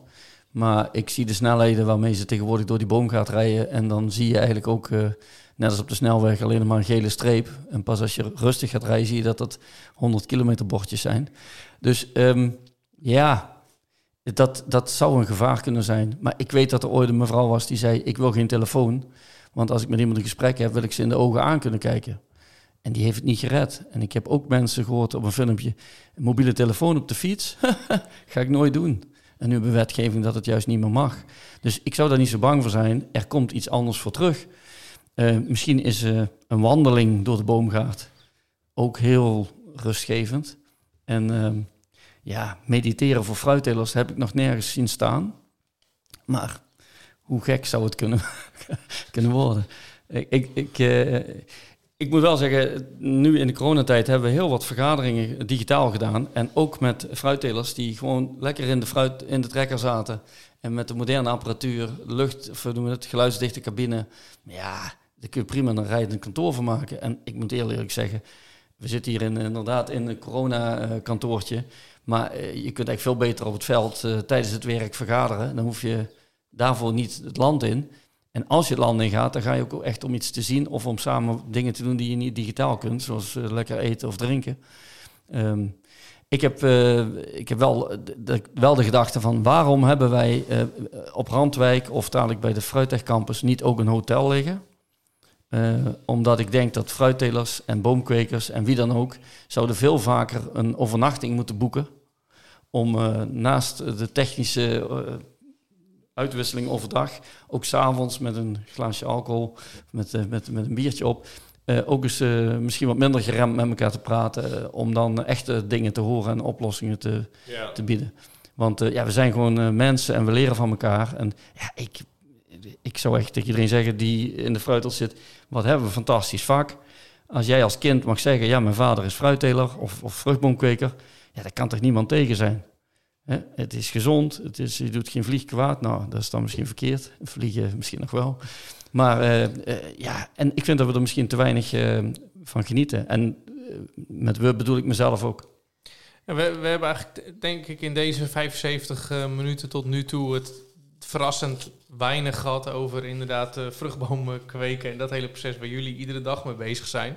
Dus daarom misschien toch nog wel eh, eh, een laatste vraag uit de boomgaard van heeft de fruitboom in de toekomst nog wel de huidige bomenvorm? Nou heb je het wel over de plantafstand gehad, ook wel een beetje. Ehm, als, als, ehm, als een fruitteler fruit oogst, dan heeft hij klasse, nou, ik zal het maar simpel maken, A, B, C, D. En eh, de ene partij moet A hebben, de andere B. En nou ja, goed, het neemt af en de appelsap, daar kan D naartoe. Dat geldt voor fruitbomen precies hetzelfde. Daar kun je ook A, B, C, D van maken.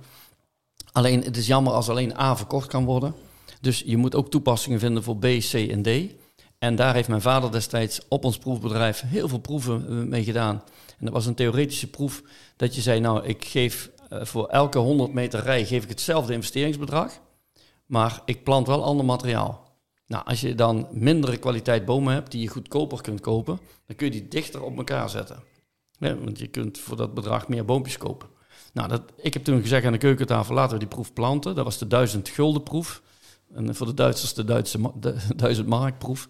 En wat mij opviel uh, met al die groepen die we daar uh, altijd uh, voorbij liepen, toen we na drie, vier jaar daar voorbij liepen, viel het niemand meer op. En toen dacht ik, ja, dit is vierkantsverwarning voor de boomkwekerij. Je moet helemaal niet zeggen, dat is een goede boom en dat is geen goede boom. Je moet alleen zeggen, die boom moet op die afstand en die boom past op die afstand. Als de moderne fruitteelt dadelijk vraagt voor een hoogintensief 2D-systeem, noem het maar zo, dan zul je uh, een boom moeten gaan planten die veel korter vertakt is. Misschien mag die ook wat hoger zijn. Ja, en dan zal die boomkweker zal ook gewoon uh, misschien uh, zijn kwekerij intensiever moeten planten. misschien niet de bomen moeten inknippen, misschien meer doorgroei. Wij volgen. Waar de, waar de vraag is, gaan wij volgen. Want ja, wij, wij ik, ik, hoorde iemand zeggen dat auto's in 30 jaar tijd heel erg veranderd zijn. Nou, ik heb een auto gezien 30 jaar geleden, Henk. Die had vier wielen. En er zaten vier deuren in, dan kon je erin. Er zat een stuur links voor. Maar ik zag laatst een auto, die heeft dat nog steeds. Dus ik denk niet dat er veel veranderd is in de automobielindustrie. Ze gaan ook nog steeds allemaal tanken. Bij een tankstation. Maar het is net hoe je het hele verhaal bekijkt. Dus, uh, en ooit heb ik een komkommerveredelaar beledigd. Want ik zei, als je in een komkommerveredeling zit, vind ik toch knap dat 30 jaar geleden een komkommer 30 centimeter lang was en groen, met een beetje ribbeltjes. En dat die heden ten dagen 30 centimeter is, met een beetje ribbeltjes, met een plastic folietje erom. Dus ze hebben een plastic folietje ontwikkeld. Nou, en dat was natuurlijk ook niet waar, want ze moesten zich aanpassen aan andere klimaatsystemen. En met minder voeding en resistenties enzovoort. Dus niks is zoals het lijkt. Um, we hebben uh, wederom nog geen uh, gast vaststaande voor de volgende aflevering. Dus een heel gerichte doorgeefvraag uh, is misschien wat lastig te stellen. Maar nou, ik stel dan Henk de vraag van wie zou je hier graag dan aan, bij de microfoon aan willen zien horen schuiven. Misschien aan jou dezelfde vraag van wat, wat, waar zou jij nu meer over willen weten? Als jij nou straks nou, door je, of je bedrijf heen loopt, wat wil je dan horen? Ja, de, wat, ik, wat ik me wel eens afvraag, en als vruchtboomkweker um, heb je bomen, en wat ik net zei, A, B, C, D kwaliteit. En eigenlijk lever je, uh, als je bomen gaat leveren, altijd je A kwaliteit uit. En dan als, ze dan, als het wat krapper wordt, dan komt de B kwaliteit. En natuurlijk, je legt het met per klant vast, maar eigenlijk de goede bomen gaan het eerste op. Nou, en die lever je vaak ook op die manier uit. Als ik naar de fruitteelt kijk, dan lijkt het wel of de mindere kwaliteit, die niet de koelcel ingaat, dat die het eerste wordt afgezet. En dan ben ik wel eens bang dat de, de consument daar de dupe van is. Of de, de consument denkt, nou, ik, eh, deze Elsters zijn wel heel groen. Die zijn veel te vroeg geplukt. Of deze Jonengolden of wat dan ook. Of ze zijn uh, overrijp. En daarmee ga je dan, uh, ja, daarmee zet je ze in de markt. En het echte topproduct gaat koeling in en komt eigenlijk pas vanaf januari een beetje beschikbaar. Dus ik zou wel een vraag, deze vraag willen stellen aan iemand die daarover gaat. Waarom doen jullie dit? Want misschien moet je wel eerst je beste product afzetten. En misschien zit ik ook wel mis, moet ik eerlijk zeggen. Ben heel trots op de fruitteelt, omdat de afgelopen vijf tot tien jaar zie ik dat er veel beter fruit in de supermarkten ligt dan al die jaren ervoor. En om met de woorden van Harry Heijnes te spreken, die uh, hier na 40 jaar onlangs afscheid nam, van zijn pensioen ging genieten. Hij zei, ik heb altijd in de rassen gezeten. We hebben hier ook nog een tuin met, 100, met 250 appelrassen hierachter. Uh, hij zegt, maar zulke goede rassen als dat we nu in Nederland beginnen te krijgen, hè, de, die, die, die goed smaken, de mooi uitziende, resistente rassen, ja, dat heb ik in mijn hele carrière niet meegemaakt. Dus ik zie het wel heel positief. Alleen uh, moet je misschien de volgorde omdraaien en eerst met je beste product komen. Ja. Dus ja, aan wie je die vraag wil stellen, laat ik aan jullie. Ja, ik ben, uh, ik ben heel benieuwd. Ik denk jij, jij ook, Bert. Zeker. Ik vond, het, ik vond het een zeer enerverende podcast. Anders dan, de, denk ik, alle voorgaande afleveringen. Ik had vooraf uh, niet gedacht dat we het gingen ha- hebben over een koraalrif, over jouw badkamer, over Enzo Knol. En eh, wat al niet meer is gepasseerd. Maar eh, ik hoop dat mensen het toch interessant vinden. Wat jij, Bert? Ja, absoluut. Ik denk dat het een, eh, een, een, een uni- unieke kans was om een ki- een inkijkje in het hoofd van Han Fleuren wat breder, wat breder te verspreiden. Dus ik ga maar Ja. iedereen aanraden. Ja, nee, sorry jongens, maar ik heb van jullie eh, te horen gekregen dat jullie zo gek zijn om een podcast voor fruittelers op te nemen. Nou, dat vind ik lef hebben. Daar wil ik jullie namens de fruittelers voor bedanken. Want inderdaad, als je in je zenmomentje bent het spuiten of je bent voor de vijftiende dag aan het snoeien... eh, en je wil dus even niet meer eh, praten met je buurman, dan kun je in ieder geval een koptelefoon opzetten. Ehm, en eens wat andere dingen horen. Ehm, ik blijf wel zeggen dat ergens in het begin van mijn carrière kwam er een multi-multimiljonair naar me toe. Eh, naar ons toe uit Zweden. En die zei, ja, ik wil fruitteler worden. En toen dacht ik, nou, als ik dit fruittelers vertel... als je al het geld van de wereld hebt, dus een grote zak geld... en iemand wil dan fruitteler worden... Ja. toen vroegen we waarom. Hij zegt, het is een droom om in de bloesem, in mijn badjas... met een fles witte wijn en een glas... door die bloesem te lopen... en dat, die bloesem op te snuiven... dat lijkt mij zo fantastisch mijn hele leven. Dus die is eh fruitteler geworden. Ja, En dan denk ik, nou, alle fruittelers die bloesem hebben, probeer alleen één dag ook echt van die bloesem te genieten. Want meestal zijn we bezig met oei, als het maar niet gaat vriezen of wat dan ook. ja, het is wel makkelijker om van miljonair fruitteler te worden dan andersom, denk ik. Ja, maar misschien ben je als fruitteler al heel lang miljonair. 1 euro is uitgedrukt. Nou, ik heb, eh, we bestaan 100 jaar. Ik heb een boekje van mijn opa gevonden en van de vader en moeder van mijn opa en oma. En dat was 19, moet ik even liegen, 1923. En het, ik had het boekje gisteren vast. In 1923 hebben ze voor 2 gulden 40 in Duitsland, één, in Venlo, 1 miljoen Deutschmark kunnen kopen.